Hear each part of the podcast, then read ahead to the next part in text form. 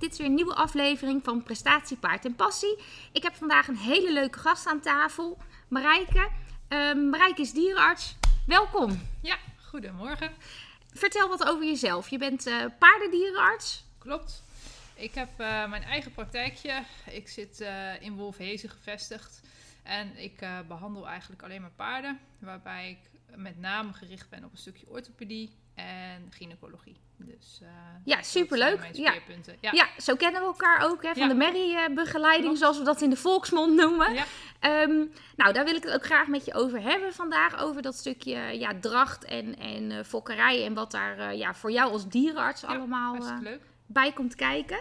Ehm, nou, zoals ik al zei, wij, wij kennen elkaar daarvan. Ehm, wij eh, ja, beginnen altijd tijdig eh, met het scannen. Hè? Dat is iets wat je, wat je veel doet. Eh, doe je dat op vaste locaties of kom je veel bij mensen thuis? Ehm, op dit moment kom ik eigenlijk alleen maar bij mensen aan huis. En ik heb een aantal vaste locaties, eh, een aantal wel wat grotere stallen waar ik de merriebegeleiding doe. Ja, Ik heb wel wat mensen met één of twee merries aan huis die ik los zo erbij doe. Maar voornamelijk, ja, je zit ook een beetje met je tijd hè, Ja, als dierenarts. Dus ehm, ja. Ja, heb, eh, precies.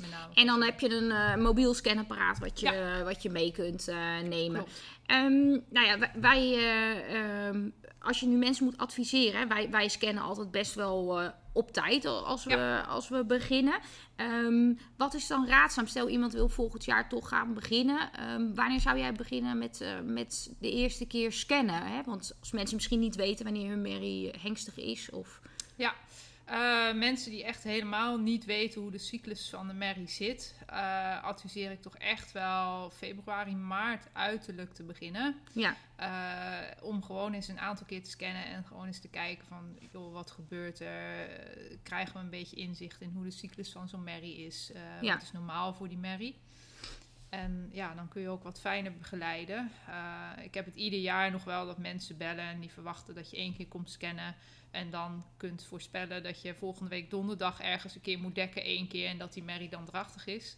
ja dat gebeurt dus toch. ik dat ook zou willen, zo werkt het niet altijd. Nee, nee, precies. Nee, zo werkt het helaas gewoon niet. Nee.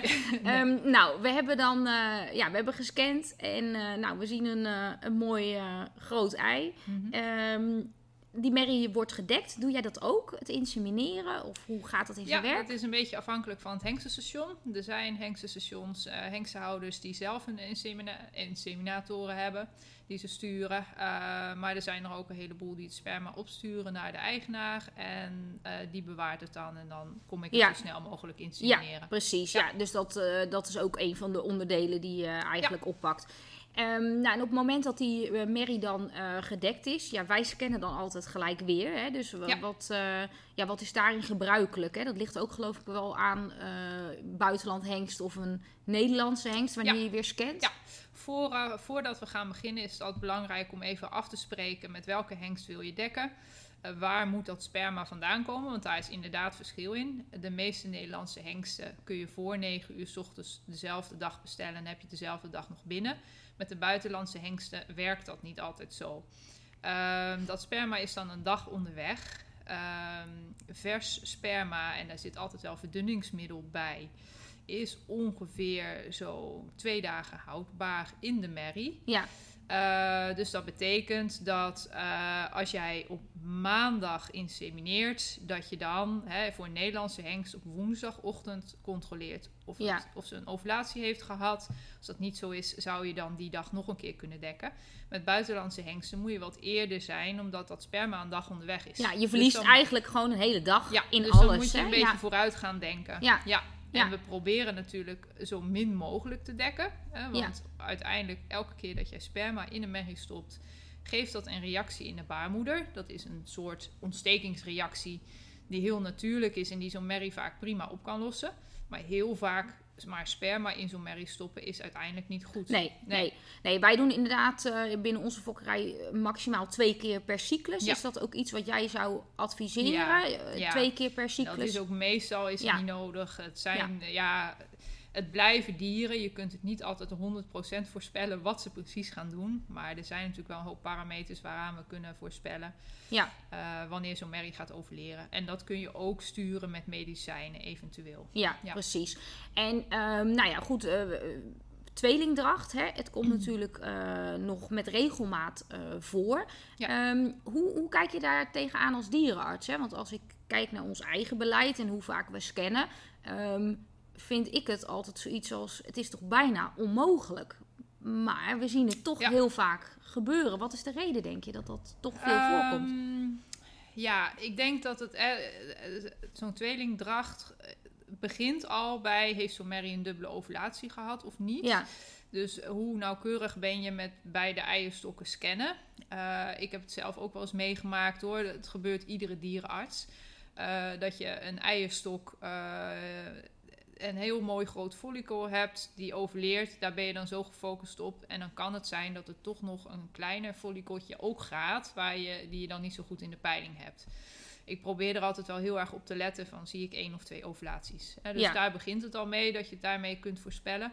Vervolgens is het dan zaak dat je heel nauwkeurig de baarmoeder scant. Hè, op het Ja. moment dat zo'n merrie drachtig is, dat je goed checkt, zitten er één of twee vruchtblaasjes. En ja, als jij maar één keer zo'n merrie controleert, is de kans natuurlijk groter dat je zoiets Ja. een keer kan missen, dan dat je na de hand Ja. nog vaker controleert. En ehm, wat wel eens gebeurt zijn bijvoorbeeld merries die heel veel kiesten in de baarmoeder hebben. Daar kan het wel eens lastig zijn, omdat die kiesten ehm, ja, gewoon soms een beetje eruit zien als een vruchtblaas. En dan, dan kan het nog wel eens misgaan. ja, Ik heb in mijn hele carrière één gehad. En dat was dus ook een merrie waar heel veel kiesten in zaten. ja, En ehm, eh, ja, dat is dan gelukkig voor mij of niet. We hebben die merrie met eh, drie collega's gescand toen de tijd. En niemand van ons heeft gezien dat er twee Nee, eh, in nee. zaten. En toevallig, die ene zijn, is ook een levende tweeling uitgekomen. ja. Oh, Maar het is niet, absoluut niet wat je wil. Nee, hè? nee, laten we dat vooropstellen. Want je hoort het toch nog wel eens. Hè, dat mensen dan eh, grappig zeggen: oh, twee Ja. voor de prijs van één. Nee, absoluut Ehm, niet. Nee. Wil je absoluut niet voor je paard. Hè, maar ehm, kort door de bocht. We zien het dus al bij het scannen eh, voor het dekken. Want dan zien we al dat er twee Ja. eh, eieren aanwezig zijn die allebei misschien wel zouden willen. Ja. Hè, tuurlijk komt het soms ook voor dat één grote en toch nog inderdaad dat kleintje erachteraan. Ja. Maar in principe zie je wel eh, ja, twee, twee eitjes Twee al. Ehm, dan gaan we scannen na het insemineren. Dan check jij dus al, hey, heeft een ovulatie plaatsgevonden.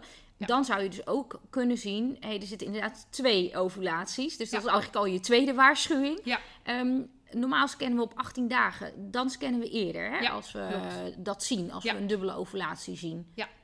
Eh, als je een tweeling ziet, eh, twee vruchtblaasjes, dan is de mooiste tijd om dat af te knijpen. Want we knijpen er één weg. Weg, ja. Eh, is rond eh 15 dagen. Ja, Eh, Soms precies. op 16. eh, soms is het al op 14, maar dan zijn ze soms wat moeilijker te knijpen.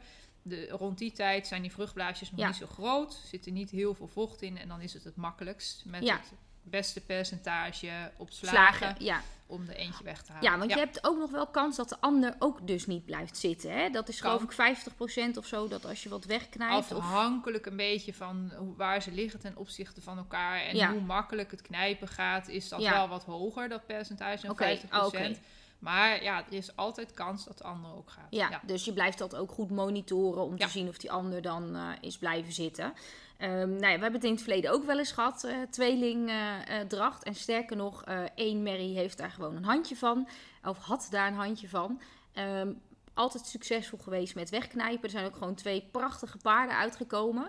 Ehm, maar het is wel altijd iets waar ik heel eh, als fokker altijd toch wel bang voor eh, Ja. eh, ben. Maar dat is ook wel een, een, ja, een, een goede reden om secuur te zijn. Ja. Hè? Het is wel echt een eh, moeilijk stukje. Wa- wat zijn, zijn de, de grootste nadelen als een merrie dus ja, onverhoopt twee veulens krijgt? Wat, wat, eh, Eh, Ja. In heel veel gevallen, het- een percentage gaat gewoon dood. En als het het meest gunstige geval is dat al in een heel vroeg stadium. ja? Eh, maar wat, wat je vaak ziet is dat ehm, dat in een latere periode van de dracht is. Dat, Ja. dat dan, dan krijg je dat zo'n merrie gaat aborteren en dan komen er twee dode veulens uit. Puur omdat de placenta, waar de veulens de voedingsstoffen uh, door opnemen, die hebben ruimte nodig. Die hebben contact met de baarmoederwand nodig om voldoende voedingsstoffen binnen te krijgen.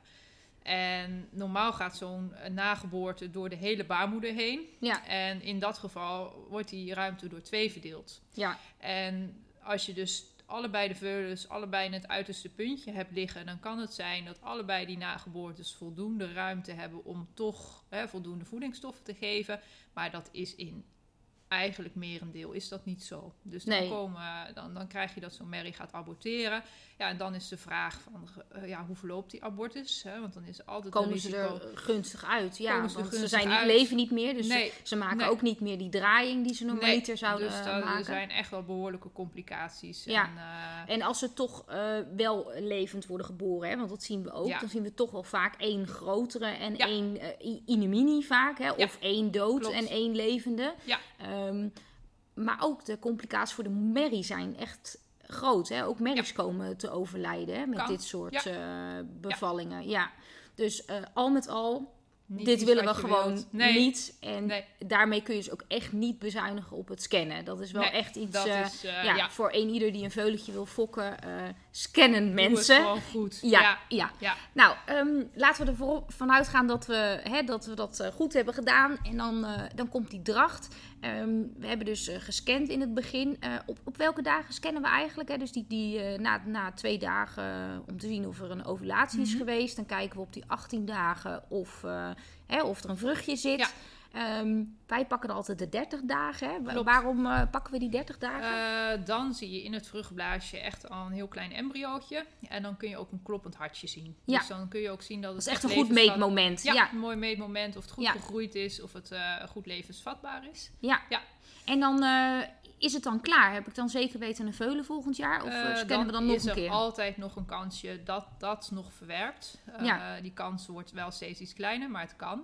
Dus meestal scannen we dan nog een keer aan het eind van het seizoen. Ja. Eh, een hoop hengstenhouders willen ook graag dan weten of zo'n merrie echt drachtig is van hun hengst. Ja. En als dat, stel dat die merrie dan nog geaborteerd is, dan kun je een gustverklaring schrijven. Ja. Dus, eh, Ja, gust is eigenlijk eh, de merries die ja, Ja. geprobeerd zijn, maar niet gelukt. Ja. En dat scheelt eh, aanzienlijk in de portemonnee. Ja. In principe in Nederland ligt dat op 1 oktober, die datum. Dus voor Ja. die tijd moet je dat doorgeven. Nou, we zien in het buitenland dat het vaak een stuk eerder ligt. Of dat ze überhaupt geen, eh, geen gust geen- hanteren. geen- nee. Hè, dus ehm, dat is zeker iets om, eh, om in de gaten te houden. Ehm, en dan, eh, ja, dan volgt dat ja, volgt bijna een jaar. Hè? Want de dracht is natuurlijk 11 maanden. Ja. Ehm, wat eh, doe jij dan nog als dierenarts? Eh, komt er dan nog iets dat je zegt, nou, dat moet ik het doen? Of enten? Of eh, wat, ja, hoe nou, werkt dat? niks moet. Maar wat ik wel adviseer, je, je investeert eigenlijk in een stukje gezondheid van je veulen. En Ja. dat kun je al tijdens de dracht doen. Nou, jij weet natuurlijk alles over voeding. Ja, maar voeding is voor de merrie is daarin heel belangrijk. Ja. Want het veulen krijgt de voedingsstoffen via de nageboorte van de moeder. Een andere ding wat ik vaak adviseer is enten. ja, Eh, zorg dat de entingen van zo'n merrie op peil zijn. En zo'n merrie nog een keer aan het eind van de dracht. Ja. Want die antistoffen die die merrie aanmaakt, die komen eh, via de merrie in het veulen terecht. Ja. Dus je geeft ze gewoon een betere start mee. Ja. Eh, hetzelfde geldt voor de huisvesting. Ja. Ga zo'n merrie niet vlak voordat ze moet veulenen ineens in een andere omgeving zetten. nee, eh, stress, maar ook stress, bacteriën en dergelijke. Dat toch? ook. Ja. En zo'n merrie maakt antistoffen naar de omgeving waar ze staat. Hè? Dus eh, een soort bescherming. Zet je zo'n merrie in één keer in een andere omgeving, dan kost dat gewoon tijd om daar weer nieuwe antistoffen tegen aan te maken. Eh, ja, en dat is wat zo'n merrie meegeeft aan zo'n veuletje. Ja. dus, Ja, dat is eh, een goed punt, hè? want we horen toch best wel vaak dat mensen even hun merrie wegbrengen om te bevallen. Maar Ja. eigenlijk kan dat dus helemaal niet op die Het manier. kan wel en in sommige gevallen is dat ook beter. Hè? Want dan hebben die mensen thuis gewoon niet voldoende Nee. toezicht. Of, eh, Maar niet een, liever niet een week van ideaal- tevoren. nee, is gewoon eigenlijk. inderdaad nee. wat langer van tevoren, Ja. zodat zo'n merrie en gewend is daar hè, qua, qua stress, maar ook vanwege die antistoffen, Antistoffen. die zo'n aanmaakt. Ja. Ik heb altijd begrepen dat dat om en nabij vier weken eh, is. eh, Ja. om de Ja, antistoffen tot zes ongeveer. eh, ja. ja. nou ja, die- wij- eh, hanteren hier dus ook dat de merrie minimaal tussen zes en acht weken voor de uitgetelde datum mag komen. Ja. eh, voor de merries van klanten. Ehm, maar dat is natuurlijk altijd een moeilijk punt. Want wanneer komen ze? Ja, Hè, ja. we, we zeggen natuurlijk, eh we houden elf maanden aan. Ehm, maar een veulentje kan drie weken te vroeg geboren worden. En Ja. is er niks aan de hand, hè? Dan is die gewoon Het is, eh, eh, de compleet. draagtijd van een merrie is ongeveer tussen de 320 en wat is het, 360, 65 dagen. Hè, er zijn merries die gewoon een jaar dragen. Ja, ja, Ehm, dus ja, dat, dat is inderdaad... dat is eh, natuurlijk ook een lastige. ja. Hè? Met, het, Ja. met oog op het verhuizen moeten mensen daar dus ook echt rekening mee houden. Let op, je Ja. merrie kan maar zo drie, tw- twee weken te vroeg be- bevallen.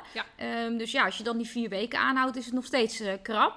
Ehm, wij doen zelf ehm, de merries twee keer per jaar en dus ieder half jaar. En dat doen we dus altijd, ook als ze niet drachtig zijn. Maar dat hanteren we voor alle paarden nu eh, in de stal. Ehm, en daardoor hebben we dus ook niet dat veulenprikje nodig. Wanneer adviseer je dat wel eh, om een veulenprikje te geven? Eh veulenprikje, dat is een beetje een term die wordt gebruikt voor heel veel verschillende soorten prikjes. Oké, En eh, ik heb in verschillende klinieken gewerkt. En in elke kliniek hadden we een ander veulenprikje. oh ja, ook Ja. dat nog. De meeste van vroeger werd dat heel veel gedaan. De veulenprikjes Ja. zitten meestal wat tetanusserum in. Dus wat bescherming tegen tetanus. Dat is met name bij merries die slecht geënt zijn belangrijk.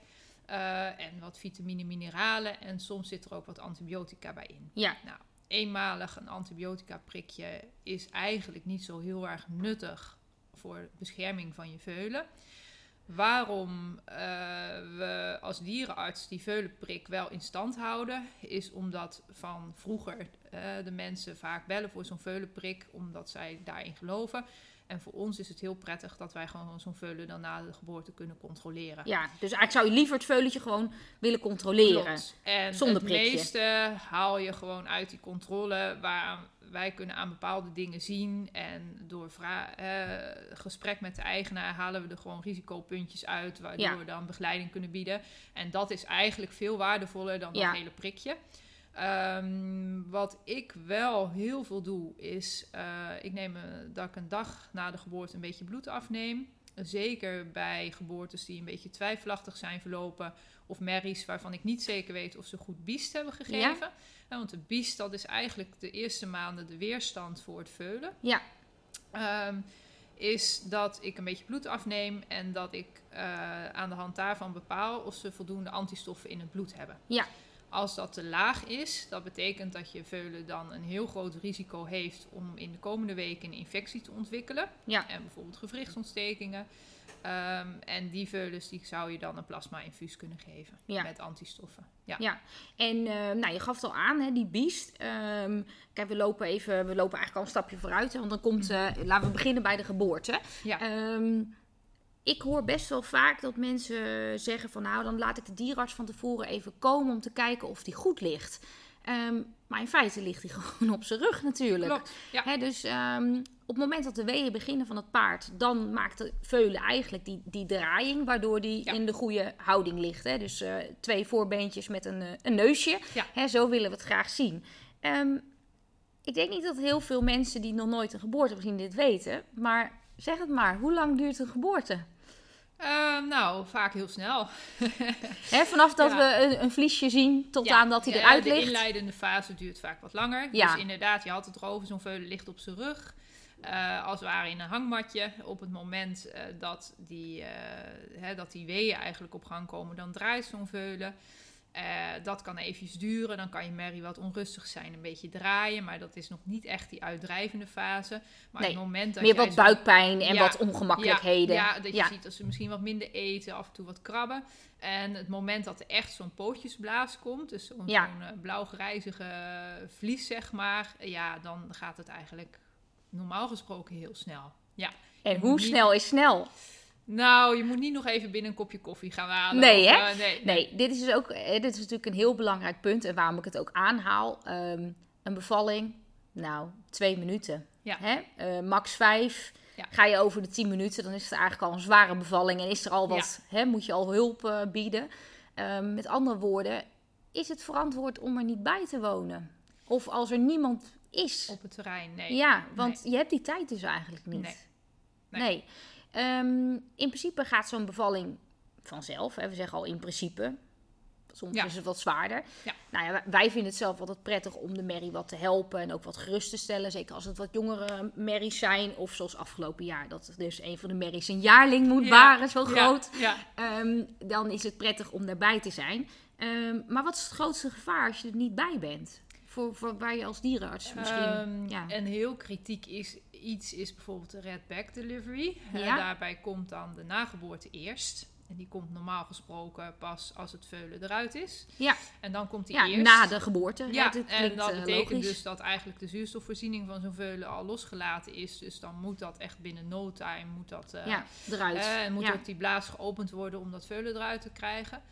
Eh, ja, als je daar niet bij bent, dan Is het een verloren is zaak? het gewoon een verloren Ja. zaak. Ja, ik Ja. behandel deze ook eigenlijk altijd in de workshop fokkerij. Ik zeg ook altijd bij, ik hoop dat je het nooit mee hoeft te maken. Ja. Maar het gebeurt echt met regelmaat. Hè. Je hebt gebeurt, ieder jaar ja. toch een, een aantal, eh, ook bij mijn professionele collega's zie ik dat eh, toch ieder jaar wel iemand voorbij komen.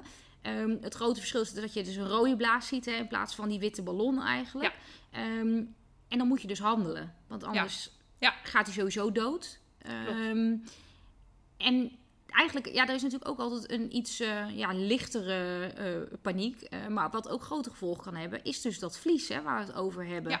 Ehm, in principe scheurt dat hè, als het veulen eruit komt. Ehm, maar als het dus niet scheurt, eh, of het scheurt op een net andere plek en het blijft over de neus heen liggen, ja, Ja, dan gaat het ook niet goed. En dan, Nee. eh, dan kan het gewoon dat zo'n veulentje stikt bijvoorbeeld. ja, En, eh, ja. ja, heel soms En dan heb je er dus niks aan als je 20 minuten later er bent. Nee, want klopt. dan is het dus gewoon ook Ja, ja. te laat. En ja. sommige merries, zeker jonge merries, zijn soms echt heel erg onder de indruk van zo'n geboorte. En die gaan dan echt niet gelijk naar zo'n veulentje toe om het schoon Nee. te likken of om dat vlies eraf te halen.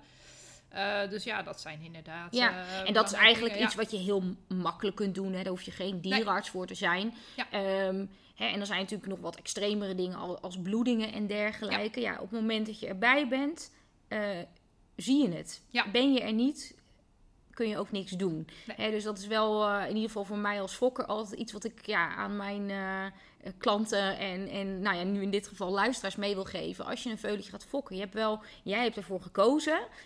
Je hebt ook de verantwoording naar je merrie, Ja, maar ook naar je veulentje. dat je dus toch, ja, iemand moet erbij zijn.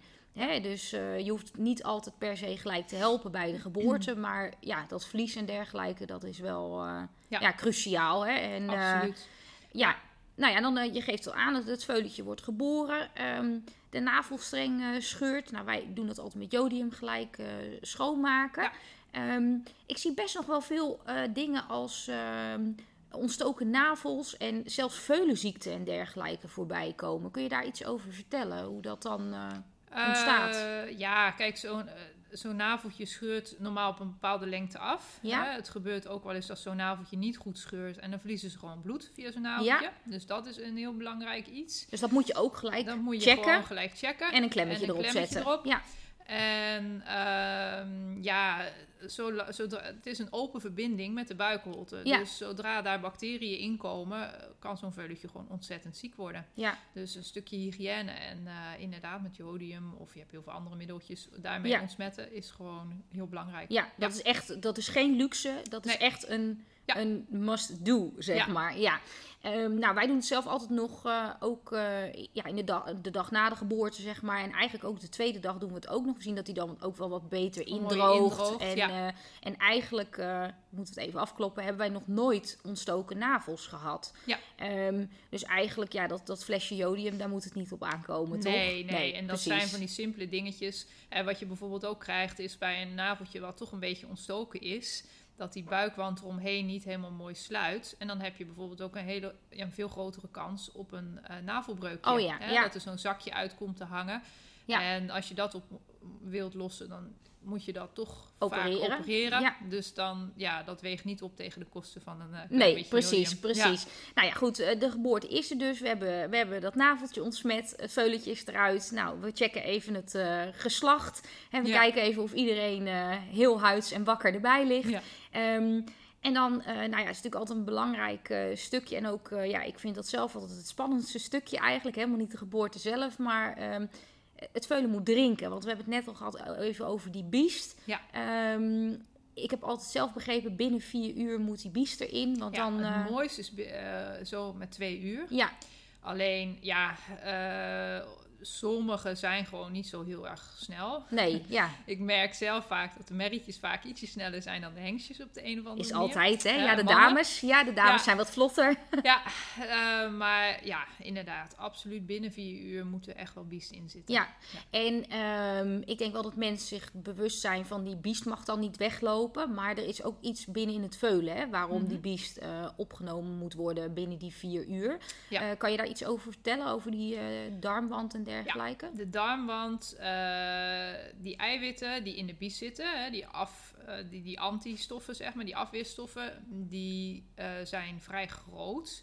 En die moeten door de darmwand kunnen. En eigenlijk alleen maar de eerste uren na de geboorte staat die darmwand genoeg open, zodat die eiwitten daar doorheen ja. kunnen.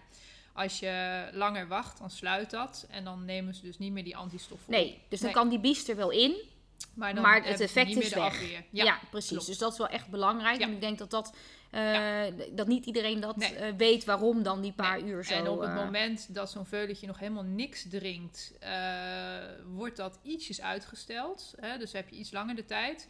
Dus het is zeker belangrijk dat de eerste keer dat ze drinken, dat dat ook voldoende is. Ja, Dus ja. als ze eh, zeg maar twee slokjes drinken en dan helemaal niks meer. Nee, dat, is niet afdoende. helemaal Ja, kwalijk. ja, ja.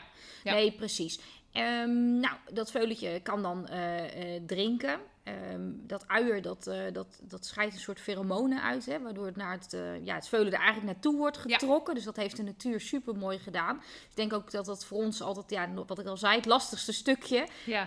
Wij kijken altijd eerst een stukje even op de camera, dat we zeggen, nou, laten even moeder en kind even Samen met rust. rustig. Ja, absoluut. Ja, ehm, wij zorgen ook altijd voor dat de merrie krijgt bij ons een energy booster na de bevalling. Omdat ze zoveel ja, vocht verliest en toch ja, een soort eh, wereldprestatie eh, neerzet in dus een eh, nou ja, recordtempo. ja. Ehm, als je dan kijkt, hè, die, die biest is opgenomen, kun je dan al gaan slapen? Of wat vind jij, wat, wat moet er allemaal nog gebeuren? Ehm, de darmpack is Ja. ook een heel belangrijk onderdeel. Dus ja, dat zie je meestal ook zo na vier, zes uur, dat er toch wel hè, de eerste pek afkomt. ja, Bij hengstjes gaat dat vaak wat moeilijker dan bij merrietjes. En Ja. die kunnen dan ook behoorlijk gaan persen erop.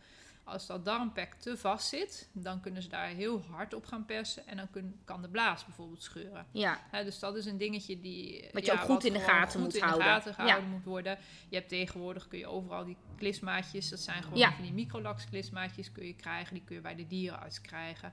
Ehm, om achter de hand te hebben. Ja. Hè, als je merkt dat ze erg pesten, dat je ze daarmee helpt. ja, En eh, het is ook altijd wel prettig dat je ze hebt zien plassen. Ja. Maar dat is vaak, duurt dat toch wel tot tien uur na ja, precies. Ja, en dat is minder... eh, Iets minder, ja. urgent dan, Ja. dan die eerste paar uur. Ehm, nou ja, dan natuurlijk nog het moeilijke stukje van de merrie, eh, die nageboorte. hè. In de regel ehm, ja, zien wij dat het binnen een uur er meestal Absoluut. wel afkomt. Ehm, de meeste merries gaan dan weer liggen en die zullen eh, ja, eigenlijk naweeën krijgen. En je ziet eigenlijk een Ja. soort mini-geboorte. Ehm, maar ik heb ook al een paar keer gehad dat ze gewoon stonden en dat we het eraf zagen vallen. Ja, dat het eigenlijk al... het eruit, eh, ja. ja. Ehm, wij eh, leggen het dan altijd, we halen het gelijk uit de stal. Want ja, Heel prettig. paarden doen net als eh, heel veel andere dieren, gaan daar naartoe gaan eten. Of begraven, ja, ja. ja. ehm, waarom is dat zo belangrijk? Dat eh, ja, jij en ik nog even die nageboorte kunnen zien. Ja. Ja, die nageboorte zegt dus ook iets over, eh, dat is de omgeving waar zo'n veulentje in heeft gezeten tijdens de hele dracht. Dus de kleur bijvoorbeeld van zo'n nageboorte zegt ook iets over de vitaliteit en de gezondheid. Is zo'n nageboorte bijvoorbeeld heel erg verdikt, dan geeft dat al aan. Ja, dan heeft hij niet zo goed fu- gefunctioneerd. Hè? Of als hij een hele rare kleur heeft. En dan heeft jouw veulen bijvoorbeeld ook een groter risico om ziek te worden. Ja, Een ander heel belangrijk ding is of die helemaal heel is. Want als Ja. er een klein stukje in zo'n merrie achterblijft, dan eh, gaat dat ontsteken. Ja. En dat gaat al heel snel. En dan krijg je een ontsteking na de geboorte in de baarmoeder. Eh, die baarmoeder gaat dan een soort toxine aanmaken, dus eh, gifstofjes. En dan kan jouw merrie binnen no time hartstikke hoe vervangen raken. Ja. Dus dat is echt wel heel belangrijk dat ieder Ja. stukje van die nageboorte er gewoon uit is gekomen. ja. En dat die niet gescheurd is. Nee, Ja. precies. Dus daarom hè, halen wij hem eruit. Want anders kan je niet meer zien van Kan is dit nou van helemaal, tevoren eh, of eh, nee. daarna gebeurd. Ehm, we leggen hem dan uit. eh wat eigenlijk, eh, we zien een soort eh, broekvorm Ja, in die eh, nageboorte. Ja, Ja. En eh, twee pijpen eigenlijk. eh, die daar dan eh, in zitten. De een wat groter dan de ander, waar dan het veulentje in Ja. heeft gezeten. Ehm, jij had het net over een afwijkende kleur. Eh, Leg uit, wat is de goede kleur? De binnenkant van zo'n nageboorte is normaal echt een beetje ehm, ja, fluwelig. En die is donkerrood van kleur. Als je bijvoorbeeld heel veel witte En dat is eigenlijk de ziet- buitenkant, hè? Want hij Ja, wordt binnenste klopt. buiten, Hij wordt binnenste buiten. getrokken ja. op het moment dat hij eruit komt. Ja, ja. Eh, op het moment, eh, dat is dus ook de, eh, het deel wat in contact is geweest met de bloedbaan van de merk. ja. En ehm, eh, Dus een dieprode kleur. dieprode kleur, als je bijvoorbeeld heel veel witte plekken er erin ziet, ja, dat betekent dat daar gewoon min, een soort littekenweefsel is of dat daar minder doorbloeding is geweest. Als je bijvoorbeeld, soms zie je echt dat zo'n nageboorte helemaal bruin is. Ja, dat is ja. ook geen goede kleur. Nee. Als je enkele uren wacht, wordt die wel bruin. Ja, hè, en het maar- ruikt natuurlijk ook vreselijk. Dus, Ja, het eh, hoort direct na geboorte hoort het gewoon helderrood te zijn, Ja. donkerrood te zijn. Ja, Ehm, en soms, hè, maar dat weet je eigenlijk alleen als je al veel van die nageboortes in handen hebt Ja. gehad. Ze hebben een bepaald gewicht. En Ja. heel soms heb je van die nageboortes, die zijn super zwaar. ja. En dat komt gewoon omdat die wand dan heel erg verdikt is. Ja, en dat is ook af, afwijkend. Ja. Dat is toch Maar soort, ik denk voor degenen die het niet kennen, inderdaad, dat zo'n ding überhaupt super zwaar is. Want Ja, ik weet altijd klopt. als wij. Ja, Ik heb in het begin wel eens eh, een poging gewaagd om dat dan met een riekje eruit te pakken. Zo van, hè, dan krijg je die het een beetje vies allemaal. ja. Dat lukt dus gewoon niet, want dat Nee. ding vloepert alle kanten op. Heel Het is alsof je een eh, octopus aan het oppakken bent. Ehm, dus eh, ik, eh, zo'n ding is altijd inderdaad toch wel best wel zwaar. Ehm, hè, maar wij bewaren het dus inderdaad tot de volgende dag. Ehm, hè, de meeste veulens worden natuurlijk s'avonds of s'nachts Daarom, geboren. ja. Ehm, en wij laten inderdaad altijd eh, ook even aan de dierenarts zien. Want het geeft jou dus ook als dierenarts echt wel informatie. Ehm, nou ja, wij... vanaf vier uur dat hij erop zit, dan bellen wij wel eh, de dierenarts. Ja, Ja. om het eraf te halen. Ja. Ja, je wil hem er eigenlijk binnen drie uur af hebben. Zo niet, bel de dierenarts. Ja. Eh, ja. En dan, Ja, want dat is dus eh, echt wel van belang, hè? Ja, absoluut ja. nou dan. Nee, Ja. precies. We hebben inderdaad eh, in het verleden begrepen van de dierenarts tussen de vier en de zes uur. Nou, wij zeggen altijd, nou, we bellen gewoon gelijk met Ja. vier uur, want hè, je moet hier nog naartoe komen voordat de merrie in de box staat. En dat je daadwerkelijk ook dat ding eraf hebt, ben je ook weer een uur verder. Dus hou daar rekening eh, mee. Ja. Ehm, maar dat is dus ook het gevaar. Hè? Als je er niet bij bent of het niet door hebt. ehm, hè, dat, eh, ja, dat je dus dat soort dingen mist. Hè? En dat Ja, zou klopt. natuurlijk echt eh, ja, groot gevaar kunnen betekenen Ja. voor zowel de merrie als, eh, ja, als je veulentje uiteindelijk. Ehm, nou ja, die, die eh, veulens eh, die, die staan, die drinken. We hebben een nageboorte. Ehm, belangrijk ook hè, dat ze echt meerdere keren hebben gedronken. Dat je echt Ja. ziet dat ze zelf ja, die weg kunnen vinden. Eh, dat ze goed zelfstandig kunnen opstaan. Dat In vind ik toch altijd... drinken eh, ze, ja, wat is het, ongeveer zeven keer in het uur. eh, Ja. Zeker wel. Ja. hoe- Hoeveel drinkt zo'n veulen eigenlijk per keer als je de eerste dagen pakt? Wat, wat is dan Oh, even in, in ja. milliliters? Want dat vind ik altijd wel moeilijk. Mensen vragen dat aan mij. En ik denk, ja, ik, heb altijd als, als streven... Ik vind dat ze minimaal... eh, moet ik tot 15 kunnen tellen. En Ja. dan weet ik dat ze goed wat binnen hebben Nou gehad. heb ik maar dat even niet helemaal paraat. Ik heb altijd van die tabellen waar ik het in opzoek. Hè, dat, eh, voor de gevallen dat ik zo'n veulentje kunstmelk moet geven. Ja. Dan, eh, ja, maar dan ga je het echt meten. Maar, Maar, ik heb nou ook niet meer precies hoeveel milliliter dat exact Nee, is. Nee. maar je wil wel echt hè, zien, dus niet die Ja. losse slokjes. Ze Nee. moeten wel echt zuigreflex hebben. Absoluut. En je ze Ja. echt zien, meerdere keren zien slikken voordat je ja, genoegen neemt eh, met, eh, met de stand van zaken en naar bed eh, kunt gaan eigenlijk. Hè? absoluut. Ehm, nou ja, je gaf het al aan. Hè? Eigenlijk wil jij heel graag dat controlemoment behouden als dierenarts. Ehm, ik denk ook dat het ja, gewoon heel prettig is. Inmiddels wij, hebben wij meer dan 30 veulens op de wereld gezet. Maar toch vind ik het fijn om even die bevestiging te krijgen Ja. van de dierenarts. Toch even de longetjes luisteren. Eventjes ook de merrie Het hartje, nakijken. de het longen. hartje. Ja. ja. Dus- Gehemelte, ja, oogjes, ja. dus jij, eh, ja, jij komt dan eh, het liefst dus de dag na, of nou ja, op de dag, hè, want wij hadden dit Ja. jaar ook een heleboel daggeboortes. Ja, Ehm, heel fijn. ja heerlijk, heerlijk.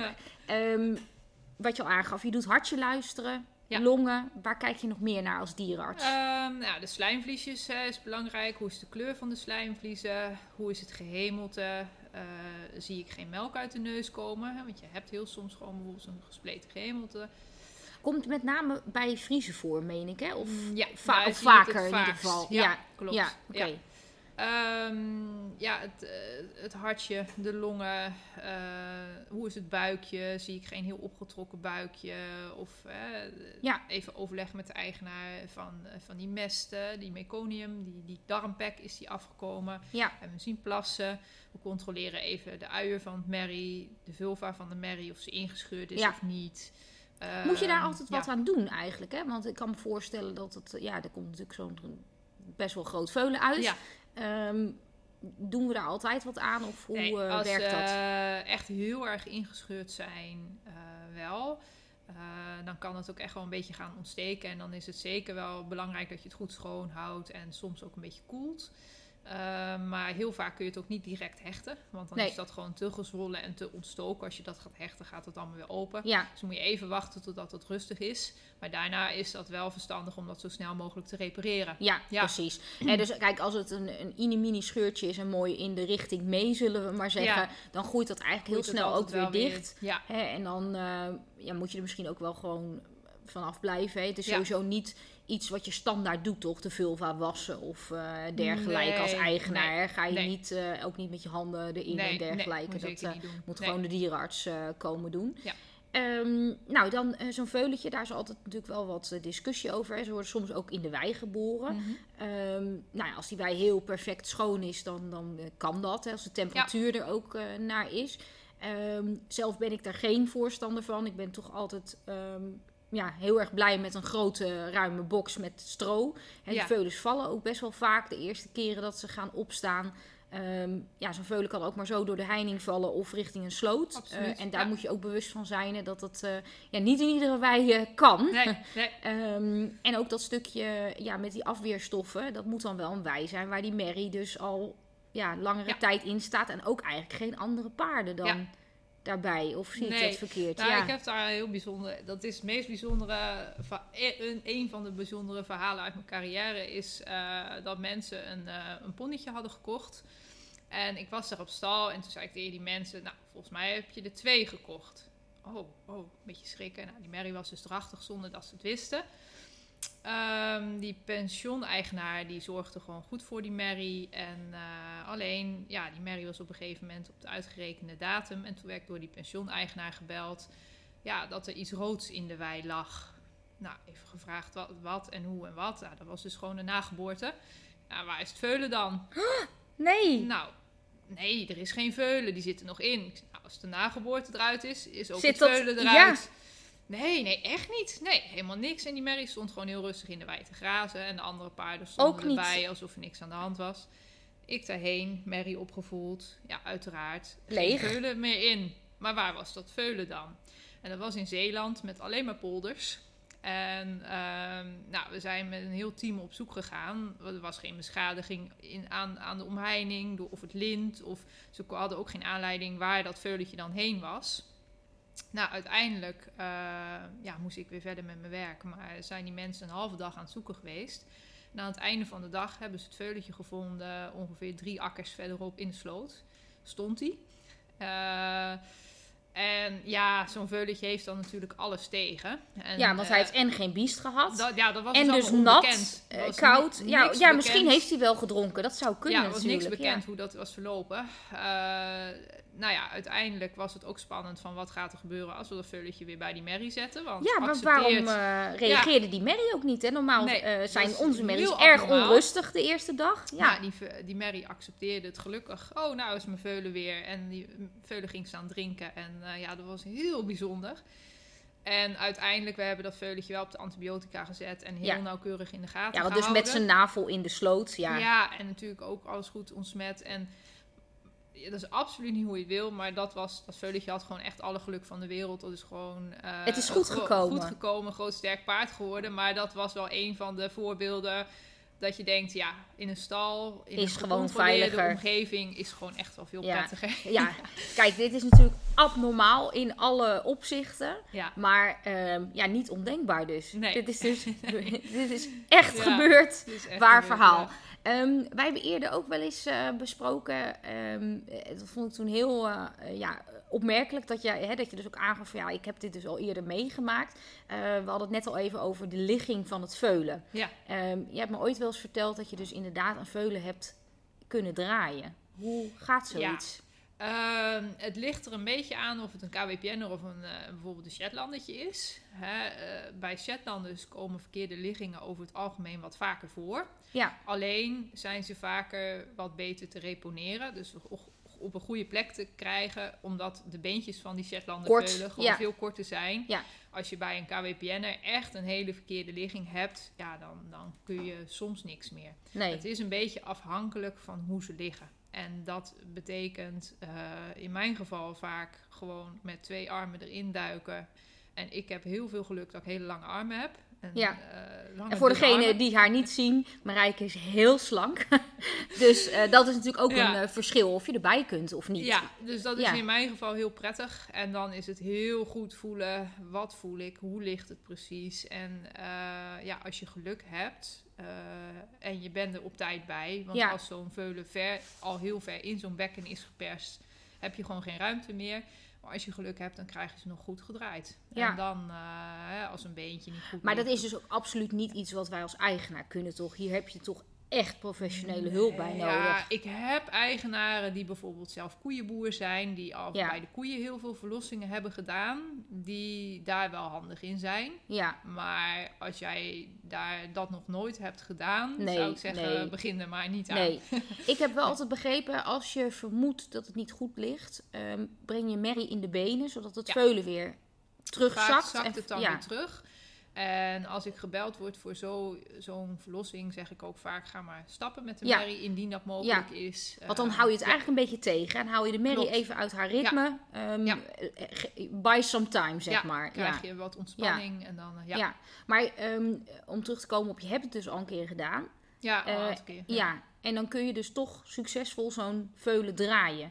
Ja. En afhankelijk van hoe het ligt, ga je linksom of rechtsom, of hoe moet ik zoiets zien? Ja, ja, Ja. je moet gewoon werken met wat je hebt. Ja. En eh, ehm, ik, eh, ik heb één keer, die, die lag helemaal achterstevoren. En ja, die heb ik uiteindelijk ook achterstevoren moeten verlossen. Ja, en dat is, dus dan heb je Zo. niet eerst het hoofdje en de Ja. voorbeentjes, maar dan heb je twee achterbenen en billen. En dan, En dan, eh, klappen dan die achterbenen naar achter? Komen dan die achtervoetjes ook echt Mm, eerst? Want Ja, hoe, eh, ja, of ze liggen naar voren geklapt. En dat is dus een dingetje. Ja, want dan wordt het Eh, natuurlijk enorm dus breed als dan dus die billen- dat je... ehm, soms krijg je ze naar voren gedrukt en dan krijg je wel eerst de achterbenen. En dan krijg je gewoon dat ze eerst met de achterbenen en dan Ja. de billen komen. Ja, dus dat is maar net... ja. dat, dat is nog, Maar lijkt me nog te doen, maar stuit stuit zit, nee. is En echt... dat is dus belangrijk eh, ook dat je als dierenarts dan snel in kan schatten. Dit kan ik wel verlossen of Ja. reponeren en dit echt absoluut niet. Ja, Eh, vorig jaar had ik er één, ja, die lag, dat veulen was achteraf ook vergroeid. Hè, dus dat, Ja, dat daar was een reden voor, Die ook ja. niet eh, juist was komen te liggen.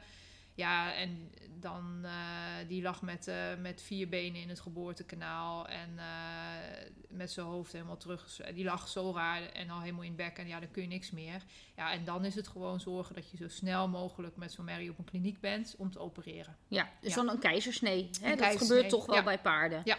Ehm, als er zo'n keizersnede plaatsvindt, wat zijn de slagingspercentages? Is dat iets wat veel voorkomt? Of, eh, Nee, het komt bij KWPN'ers niet veel voor. Eh, en, maar als je er op tijd bij bent, je moet er rekening mee houden. In de meeste gevallen is zo'n veulen gewoon dan dood. Of ja, er is vaak een reden voor. Hè, waarom tijdens ze de niet procedure ja, dood. Eh, en zo'n keizersnee doe je dan voornamelijk om je merrie te merrie redden. te redden. Ja. Heel incidenteel red je ze allebei. Maar ja, Over het algemeen, over het is het om je merrie. doe je het om je merrie te redden. En eh, als je dat op tijd doet, eh, zijn de slagingspercentages hoog. Ja, Is precies. Ja. ja. Dus eh, wederom eigenlijk iets waarom je erbij moet zijn. Je moet Absoluut. gewoon zien, Ja. zijn dit voorbenen? Is dit een snuitje? Want als je dus niet bij bent, kan het ook maar zo zijn dat het ja, verkeerd ligt en dat je te laat om hulp kunt, Ja. kunt vragen.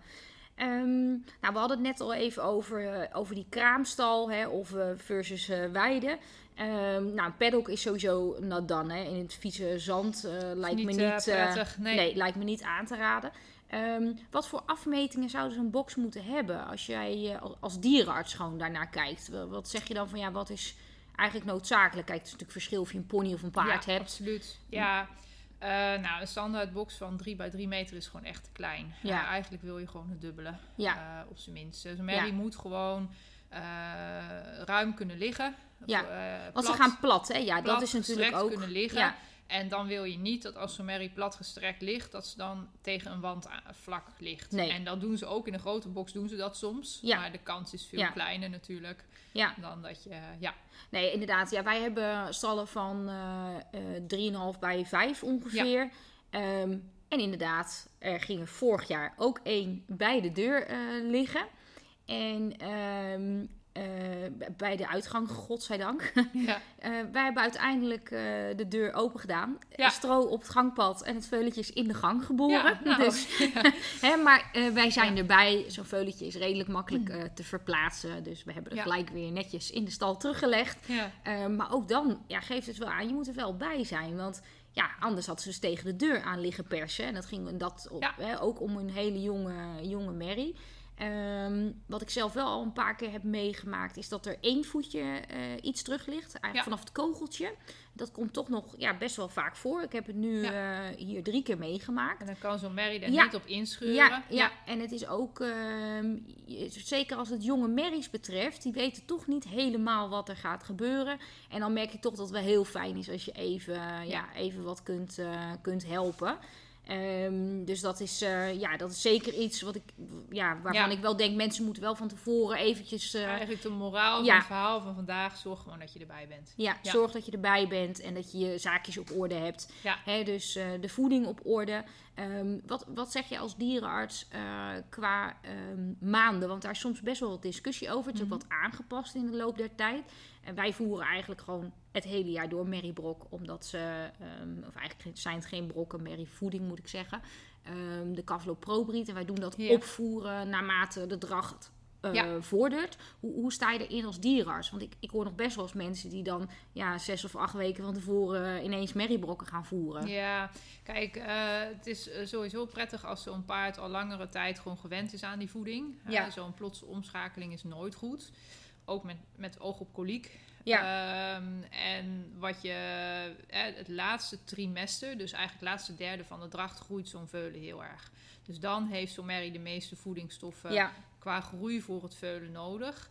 Alleen, ja, je legt natuurlijk al de basis. En precies. merries ja. die, die eh, het jaar erop ook weer drachtig worden op het moment dat ze lacteren, dus melk geven, verliezen ze ook veel eiwitten. Ja. Dus dan is het stabieler om zo'n merrie daar gewoon continu op te hebben. En Ja, inderdaad, wat je zegt, op te voeren op het moment dat zo'n veulen groeit. Ja, nou, wij zien dat inderdaad ook zo. Kijk, eh, inderdaad, die laatste drie maanden dan groeien ze het hardst. Maar je doet het natuurlijk niet alleen voor, voor het vlees. Ehm, ik ben van mening dat je ja, die botjes eh, gewoon Ja. vanaf het begin af aan eh, Ja. goed wil ondersteunen. En de mineralen. Ja, Hè, en ehm, het is ook echt zo bij de drachtige merries. Als je die ziet terugvallen, dan ben je ook echt gewoon twee weken te laat met voeren. Hè, dus eh, die merries moeten ook, vind ik, wel iets over hebben op het moment dat ze zo'n bevalling ingaan. We zien toch wel dat ja, sommigen die hebben echt, er valt het veulen eruit. En denk je, nou, hè, die zijn gewoon in één keer weer strak en model. Zeker die jongere merries. Nou ja, de ouderen die al wat meer veulens hebben gehad, ja, die, die blijven een buikje houden. Dat is nou eenmaal zo. Ehm, maar het valt mij wel op dat bij ons in ieder geval de veulentjes altijd eh, vrij sterk zijn. En ook eh, nooit echt graadmager. Kijk, in principe wordt een veulen natuurlijk altijd ribbig eh, geboren. Ja. Hè, en dat is ook, ja, heel, heeft de natuur goed geregeld. Ja. En niet te dikke veulens, want dat is voor de moeder natuurlijk heel ongunstig.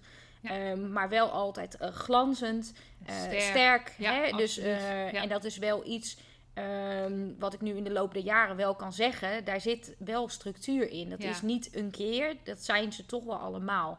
Hè, dus ehm, persoonlijk vanuit de praktijk zou ik zeggen van ja, doe gewoon wanneer je weet dat ze drachtig is, ga dat rustig aan Ja.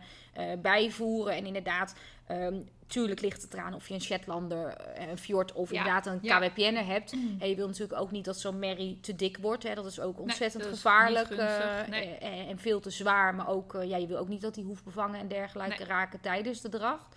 Ehm, dus daar moet je zeker eh, rekening mee houden. Maar ehm, jij zegt ook van het is toch wel echt wel raadzaam om dat... eh, Ja, het is de basis die je eigenlijk legt voor, eh, voor de hele ja, verdere leven, voor het hele verdere leven van zo'n van zo'n veulen. ja, En eh, het is de aanleg van het kraakbeen onder andere en de, de aanmaak van de botten. En, eh, ja, ja, dus dat is niet iets wat je later al- over kan doen. Nee, nee. Nee, klopt. Ehm, wat, wat je ook niet over kan doen eh, is opfok. Hè, daar hebben we Mhm. natuurlijk ook best wel vaker over gesproken. Van nou, wat zijn nou criteria waar je aan ja, wil voldoen voor je, voor je veulen. Ehm, wij hebben hier opfok, hè, dus onze veuletjes blijven Mhm. eigenlijk altijd hier. En dan Heel ja, wat ja. veuletjes van klanten. Ehm, hoe kijk je daar tegenaan? Wat is nou een eh, ja, geschikte leeftijd om af te spenen? Wanneer kan zo'n veulen van de moeder af? Gemiddeld met een maand of zes. Gemiddeld met een maand of Ja. zes. Ja. ja. En de een is wat eerder, de ander wat later. maar ja, en er zijn natuurlijk ook discussies over afspenen, dat het allemaal natuurlijk moet. En Ja, maar dat gaat niet, nee, hè? Nee, want er is geen En- natuur, want er wordt geen nieuwe kudde gevormd. Ze lopen niet naar een andere... Die merries daar echt een beetje Ja, onder gaan ja. lijden. Eh, die merries worden zo'n veulen vaak op een gegeven moment ook echt een beetje zat. Ja, ja, zeker. Die Eh, hengsten, hè? Weer die ja. jongens. Ja, Die voor de meeste gezeur zorgen. En. Nee, ja, eh, zo vier maanden vind ik wel echt wat aan de vroege kant. Ja. Maar zo tussen de vijf en zes maanden Ja. is... eh, Ja. ja. Ik, eh, als ik in de praktijk kijk, ehm 4,5 maand is eh, het jongste wat wij doen. Ja. Dat gaat meestal inderdaad om de jongens die hun moeders afbreken. Ja, ja. Ehm, het oudste wat we inderdaad ooit hebben gedaan is zeven maanden. En dat was ook ja, meer nood dan wijsheid, zullen we maar zeggen. Ehm, hier kijken we natuurlijk altijd naar wanneer is de jongste oud Ja. genoeg om van de Ja. moeder te gaan. Nou ja, dan kan het wel zijn dat Ja. ja. de oudste dus wat langer bij de moeder eh, moet zijn. Ehm, op het moment dat ze dan eh, afgespeend eh, ja, gaan worden, dan Mhm. wij zorgen dat het allemaal tegelijkertijd is. Dus dat die Ja. veuletjes ja, tegelijkertijd bij elkaar komen. Dus Mhm. ja, iedereen is dan in hetzelfde schip, zullen we maar zeggen. Ze missen allemaal hun mama. Ze zijn allemaal ja, needy, zullen we maar zeggen. Ehm, toch zie je best wel veel opfokbedrijven die dan eh, in september een koppeltje. En dan komt er in oktober komt er nog een veulen bij. En dan in november nog eentje. Ehm, wat doet dat met de weerstand? Is dat verstandig om te doen? Ehm, ja, kijk, eh, op het moment dat, eh, dat zo'n veulen gespeend wordt en naar een nieuwe omgeving gaat, gaat altijd de weerstand omlaag. Ja. En op het moment dat de weerstand omlaag gaat, zijn ze vatbaarder voor ziektes en scheiden ze in sommige gevallen ook zelf ziektekiemen uit. Ja. Dus dat is altijd een risico. Want er is stress. Hè? Dat Ja. is gewoon. Kijk, in eh, jouw geval ja. is het ideaal. Ze, ze hebben dat dan allemaal op hetzelfde moment. Dat is dan even een risicomoment, maar vervolgens is het dan stabiel. Is het klaar? Ja. Ja, voor die grotere bedrijven is dat Niet haalbaar? gewoon niet Nee. haalbaar. Nee. Nee. Dus dan, eh, en wat ik wel zie, is dat ze wel steeds meer eh, naar stabiele groepjes. Dus dat ze dan Ja. niet zomaar een veulen later er nog bij doen. nee. Eh, hè, dat is wel. Maar, Dat is wel iets van de laatste tijd, hè? dat er Ja. meer bewustzijn van ja, komt. dat dat wel wat Hè, maar sowieso gaat. het, het verkassen van jaarlingen en tweejarigen is echt onverstandig. Hè, om die van groep te laten wisselen. Ja, het kan soms niet anders. Nee, als er nood is. niet is. ideaal. Nee. Ehm, als je dan, eh, nou ja, die veulens zijn afgespeend, eh, ze staan eh, in, hun, in hun groepsstal. Mhm. Ehm, voor mij zijn een aantal dingen echt essentieel bij het opfokken van de paarden, waar ik echt heilig in geloof. En, Ja. en ehm, ik hoor graag jouw mening daarover als dierenarts.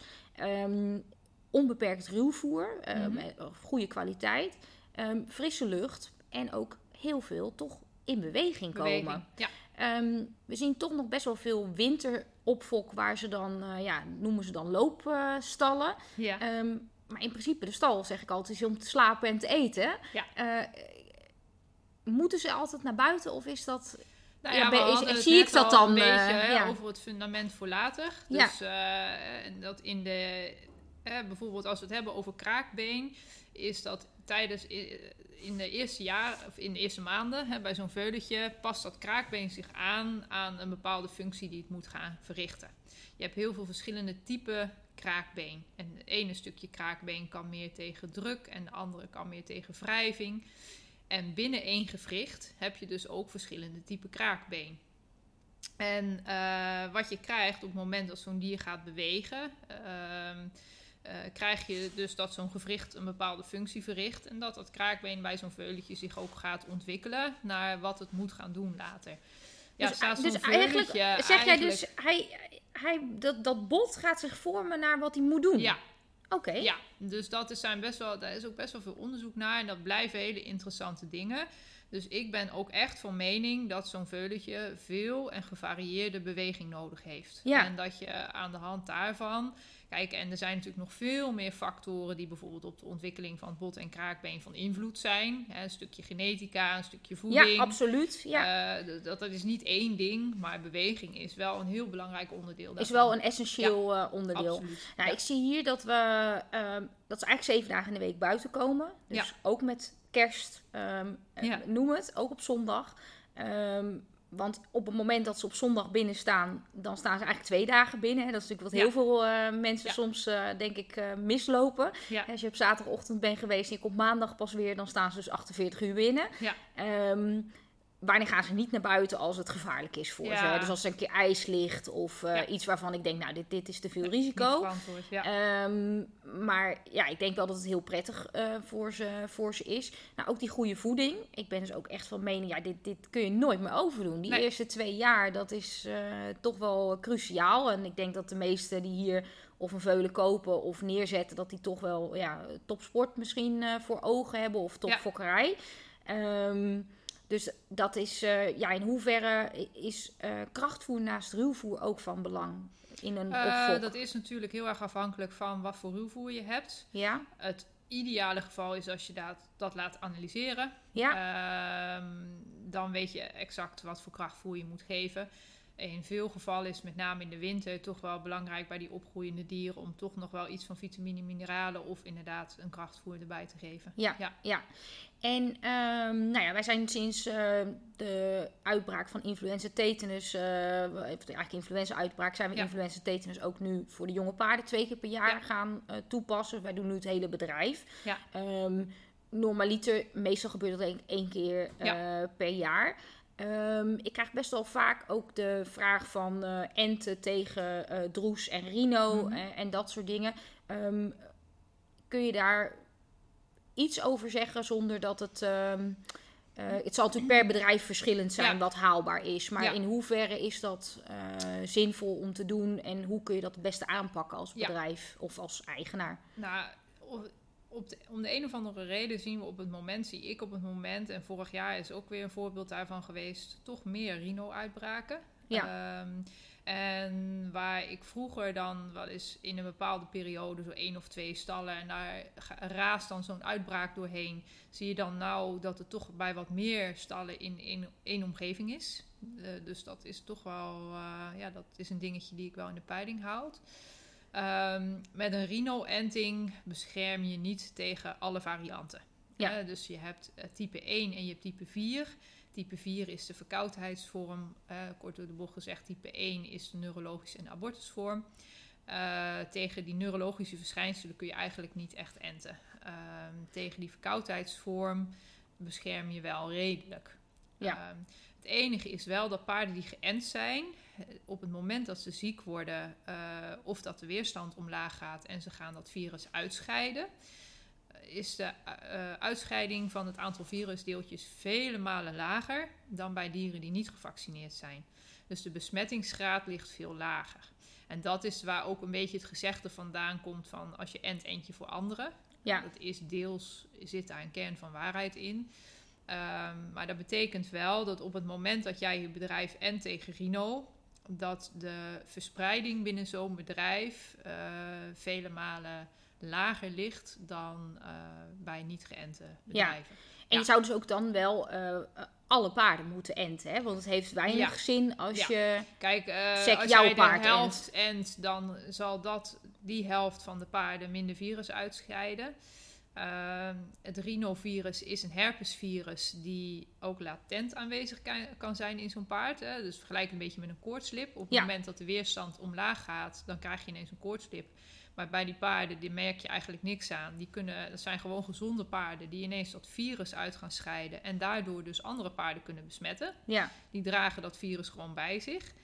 Ehm, ja, en dat, dat voorkom je wel met enten. En hoe meer paarden jij ent, hoe lager je die infectie, Ja. ja, infectiedruk maakt. ja, ja. ja.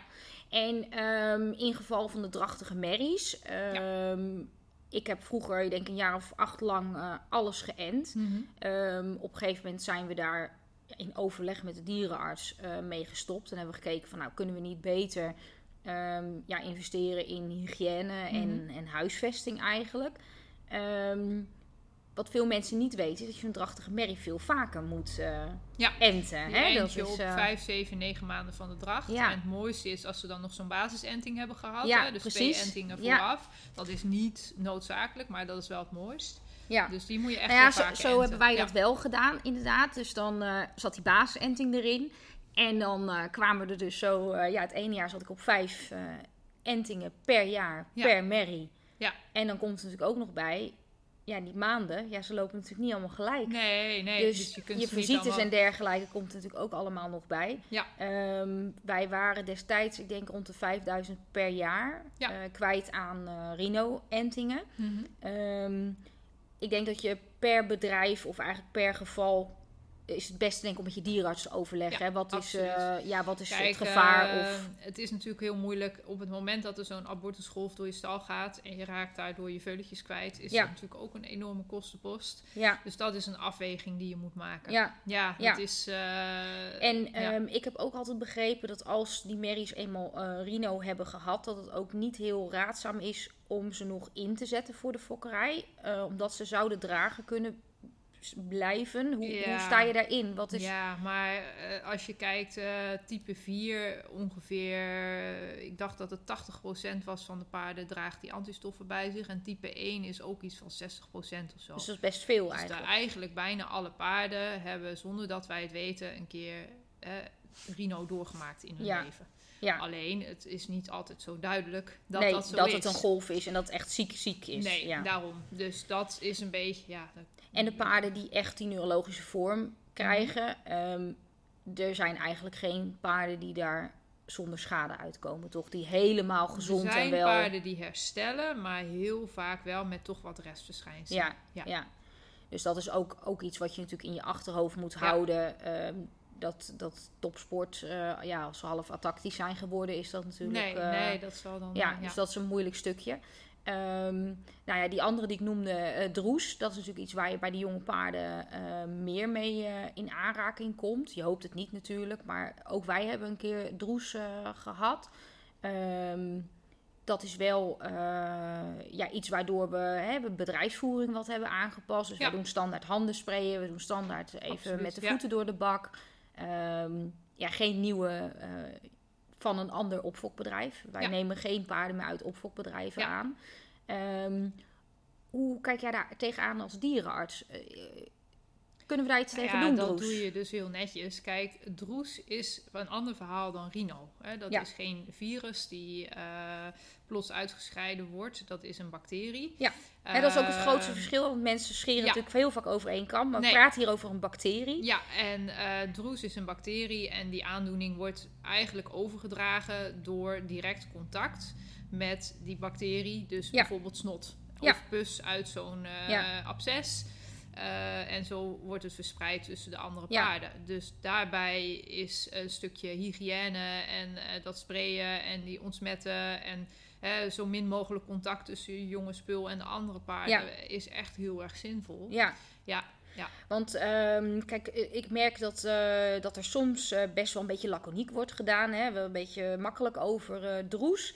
Want het is maar droes. Ehm, maar wij hebben toch begrepen... 1 op de 25 paarden komt wel degelijk te overlijden. Ja, dat het dat kan. is Ja, best wel eh. Als het bedoel- echt ja. een heftige uitbraak is, Ja. dan eh, zeker in die opfokbedrijven kan het echt heel vervelend zijn. Ja, ja. Ik denk soms dat mensen ja. het inderdaad best wel iets onderschatten. Ehm, tuurlijk, als ze sek, snot en ze gaan wat hoesten, inderdaad. Als ze het eenmaal hebben, kun je weinig extra voor ze doen. Hè, behalve schoonhouden en Ja. ja. checken dat ze toch eh, blijven eten en drinken. Ehm, maar we hebben ook gezien dat het wel degelijk kantje boord kan, zijn. heel eh, verkeerd gaan. ja. Ehm, En vooral het stukje, eh, dit wil je de anderen toch ook niet aandoen. Hè? Dus toch Nee. bedrijven die toch ja, ehm, gasten blijven ontvangen, paarden verhuizen. Eigenlijk kan dat niet, toch? Als je dergelijke ziektes hebt op je bedrijf. Nee, qua, eh, vanuit het oogpunt van ziektekiemen, nee, is dat Nee. gewoon niet wenselijk. En Nee. dat dat in de praktijk niet altijd anders kan en dat dat gebeurt, ja, dat Ja. snap ik. Maar eh, ja, Ben je voor meldplicht van dit soort ziektes? Zou dat, eh, want er wordt ja, altijd dat is best wel... natuurlijk een heel ja, gevoelig eh, puntje. Ik eh, zou, het zelf heel prettig vinden als er gewoon transparantie en openheid is. Ja. En dat komt steeds meer. Ik denk dat het hele taboe van bijvoorbeeld droesten wel wat meer af is Ja. dan, eh, dan enkele jaren geleden. ja, Eh, ik heb het zelf natuurlijk op wel meerdere stallen meegemaakt. En ik heb eh, dat met een aantal stallen dat dat heel netjes gecommuniceerd werd. ja, En dat adviseer ik ook altijd. Meld gewoon dat je het hebt. Ja. Neem de maatregelen. Het is heel vervelend dat je het hebt, maar het is niet anders.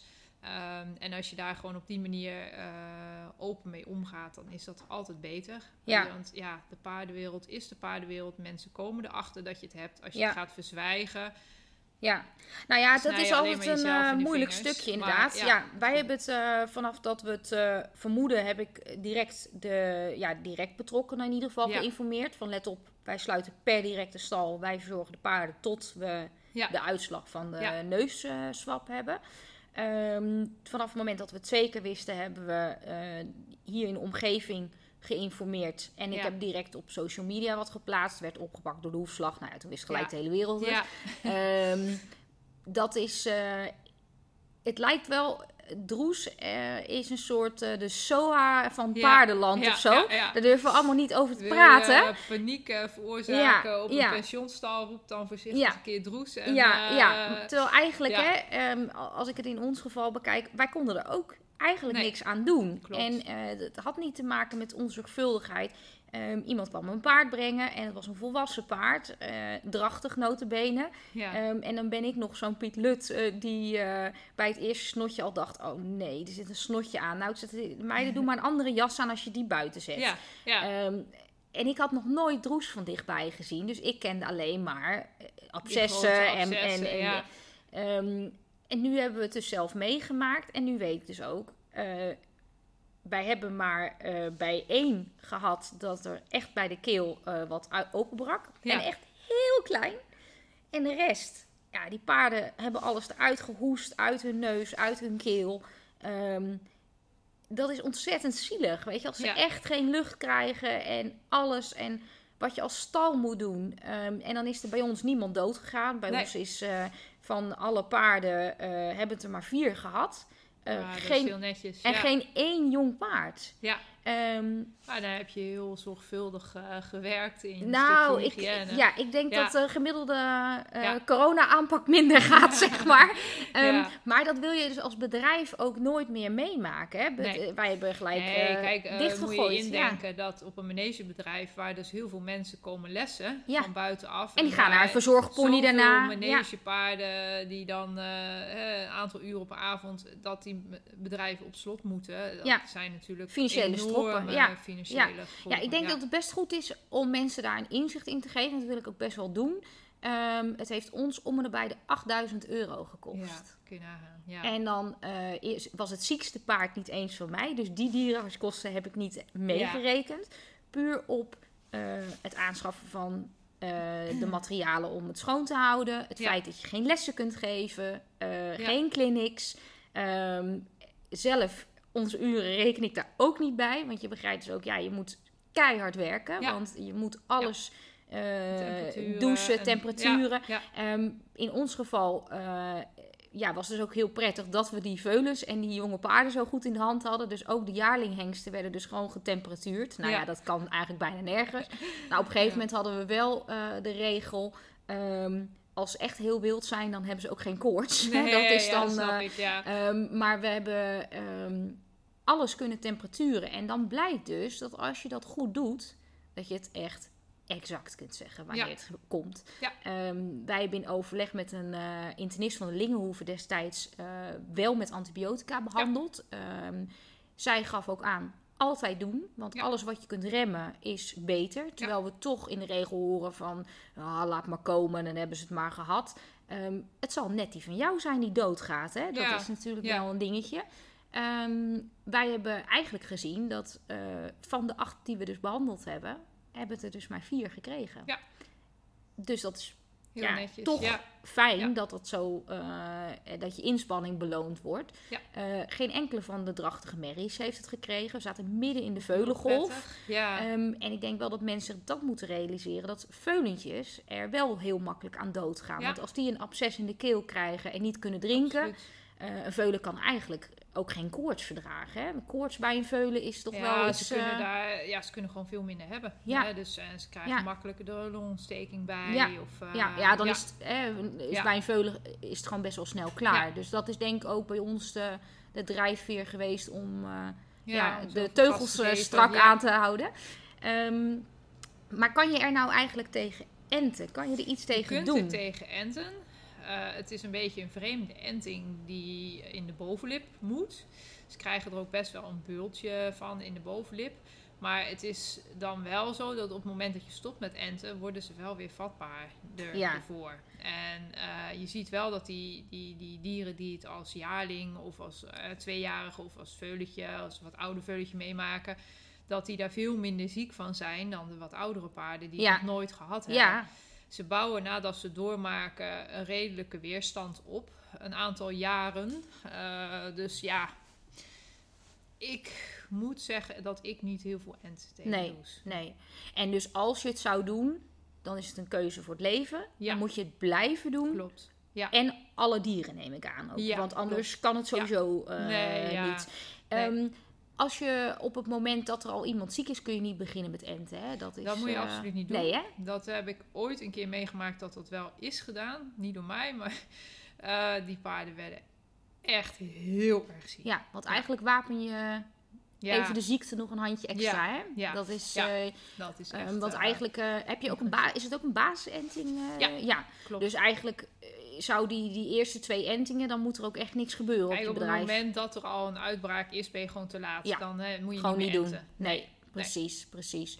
Ehm, nou, voor zover eh, alle enge ziektes en dergelijke. Ehm, ik wil je super bedanken voor al je informatie. Graag gedaan. Echt heel erg leuk en leerzaam. En ik weet zeker dat wij elkaar nog een keertje gaan spreken over hele leuke andere onderwerpen. Komt goed. Ehm, wellicht eh, kunnen luisteraars al wat eh, ideeën sturen waar ze graag wat over zouden willen horen. Ehm, dit was Marijke van de Johanna Hoeven. En nogmaals super bedankt.